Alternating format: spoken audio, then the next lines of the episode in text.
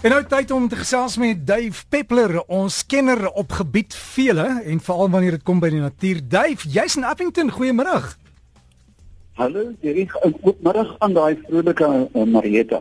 Ja, kan jy glo wie ek sit in 'n Kalahari wat ek sy nate uitbars, maar spesifiek is dit by die Akademie vir Omgewings uh, uh, Leierskap of die AEL, 'n akademie wat ek saam met kollegas 2 jaar gelede begin het.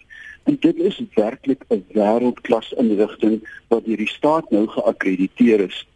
Um, en ons sorg en ons soek uiteraard na matriekstudente wat vir hulle unieke uh, loopbaanvoordeel hier kan bekom by ons van dit geakkrediteerde kursus.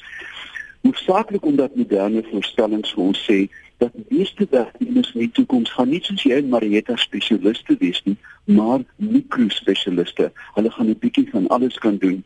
En as jy dan nog daarbey paar swak uh, vakkeuses gemaak het, kan ons dit vir jou regmaak. Ek gaan vanaand um, al inligting plaas op my Facebookblad en ook die ander beledigings en antwoorde wat ek verwag wat uit hierdie onderhoud gaan kom. Uh dit is 'n grap. Nou, jy weet hierdie plek AEL 'n bietjie 'n kans om iets sinvol te doen met jou lewe as jy onseker is. Dave, nou vra tyd. Ek het 'n hele paar SMS'e gekry. Ehm um, ek self het een. Ek het vanmiddag op pad ateljee toe verby 'n kolgans gery. Ons is gelukkig in die groot stede. Ons het nog wilde diere hier en wilde voëls en dinge. Ja. Hoekom het 'n kolgans 'n kol? dit is net die mannetjie wat 'n kol het, as ek jou mag reg sê. En dit dit staan bekend as seksuele dimorfisme. As jy nou jou venster oopmaak en jy luister, die mannetjie maak en die wyfie maak netlik nou die meer geraas. So, dit is 'n onderskeid tussen die geslagte, byna soos 'n pou wat 'n mooi stert het en 'n pou wyfie wat niks het nie. So die kol is die mannetjie. Buster Gemsbok, hoekom noem hulle dit 'n Buster Gemsbok? Is hy uitgebuster? Nee, absoluut nie toe die eerste pioniers in die land hier aangekom het in die Kaap. Dit is natuurlik waar Gemsbok sy naam kry van die Duitse Gams waar die uh reebok kom van die Duitse ree want dit het hulle herinner aan die Europese spesies. So dit het absoluut niks te doen met sy genetika nie, maar met 'n verwarring in die oorspronklike beskrywing.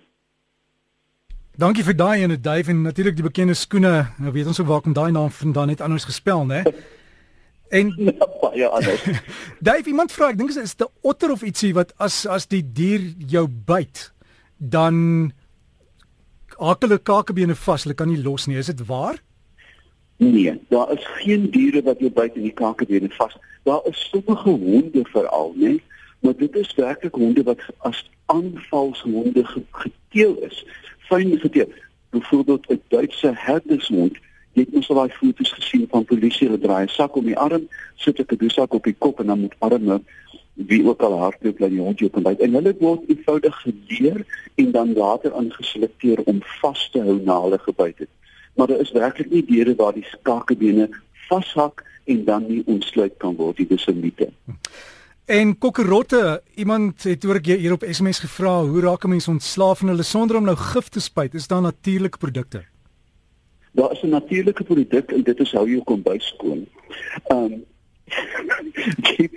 ek en, en as jong bosbouer in Zululand gewerk, ek moet nou nie gril nie, maar dit was in daai stadium waar het ons nooit opgewas nie. Ons het dit net neergepak en die volgende oggend het daar duisende kokkerotte jou bord soos in 'n opwasser skoon gevreet daar sal nie kokkerotte in jou plek wees as daar nie 'n oortollige klammigheid en kos is nie. Met ander woorde, jy moet absoluut higiënies skoon wees en sorg dat pype nie lek nie en dan by kokkerotte.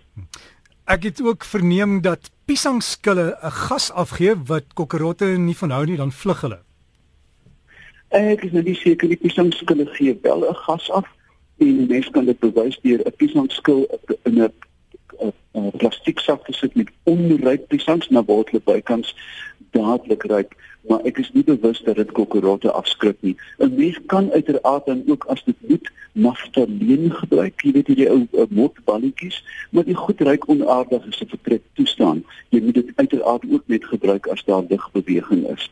Maar die die eerste jy moet eenvoudig klinies skoon, nie 'n krummel nie, want die oomblik as daar enige kos is, word dit word die kokkerotte daarbey aangeloop. En kokkerotte daarna toe aangeloop. Kokkerotte is ja. hulle is mos die skoonste diere, né? Man varke is ook skoon as jy vir hom genoeg plekke gee om te loop. Ek dink meeste diere is skoon. Um, as jy kyk byvoorbeeld na 'n bitstrinkaan nadat sy haar mannetjie opgeëet het, daai fooi tog. Kyk, hulle is met die stomme mannetjie kom op met opgedamde welles en paar in die volgende oomblik die wyfie hom sommer se bonus op. Nadat sy gedoen het, was sy haar gesig in voetjies vir ure aan een. So dis nie net kokkerok dood nie. Meeste organismes moet skoon wees om effektief te kan um, reageer op gevare. Jy kan nie weggaan dit as jou voete vol piesangskil is nie. Jy kan ook nie vinnig spring op iets as jou voete taai is van konfyt nie. So dit maak eenvoudig sin dat meeste organismes daarvan hou om silwer skoon te wees. Daai boodskap van Susan wat 'n voorbeeld gee van twee piesangs, een bly by die huis, een gaan saam werk toe. Sy het hom nie geëet nie. Na 8 ure in lugreëling huis toe geneem en toe sy hulle langs mekaar sit, is die een swart en die een is nog steeds gewone kleur, die een wat by die huis was. Hoekom? Ja, ek weet nie uh, wat die, die die antwoord gaan wees aan twee. Relatiewe temperatuur was daar 'n verskil.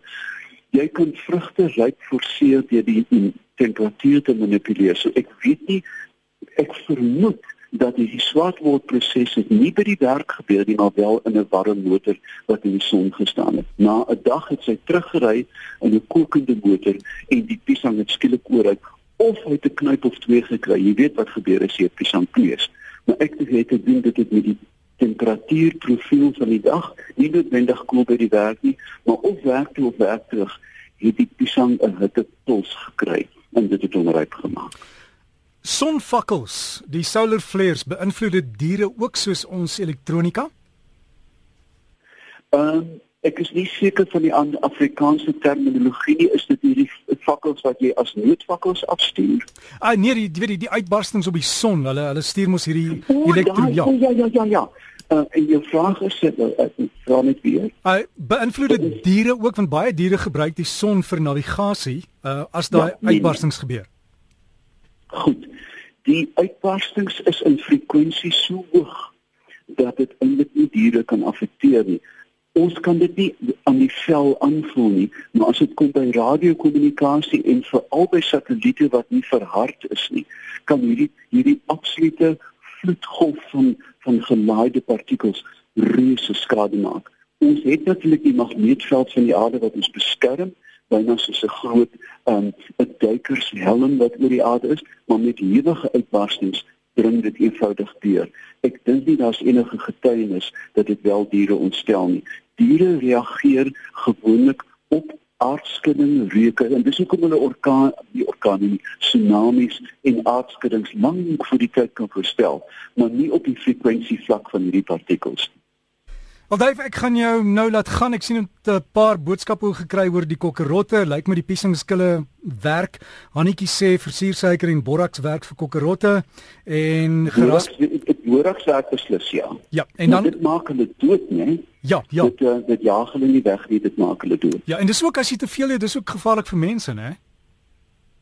Natuurlik, jy weet as jy verbystap en daar's 'n kind wat verbyloop en proe aan die dit gaan soet proe en dan wil jy dan moet jy net maar jou motor reghou om jou kind te ry. Dit is nie 'n ding wat jy wil laat rond lê nie. Ja. En ek die vraag was hoe kan 'n mens dit veilig doen?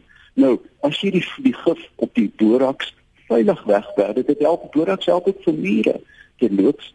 Ehm um, maar dit vergiftig die hele kolonie, so mens wil eintlik nie dit doen nie. Ja. Dave, dankie. Alles van die beste. Geen net gou jou Facebook asseblief. My Facebookblad is Dave Tippler www.co.za en ek sit vandag se praatjie probeer kompakteer en aan die antwoorde daar sit. Baie dankie Dave en ek gou geloer hier ja, jou, jou jou temperature daar in Appington môre 12 grade en 26 so daarmee te koud nie hoor. Maar ek gaan Kaap toe Vrydag waar dit lekker gaan sneeu op die berge hoor. Dit kan nie wag nie tot 4 maak. Stuur vir ons foto. Selfde dankie Dave. So gesels Dave Peppler daar en hy sal dan op sy Facebook al die inligting vir ons plaas.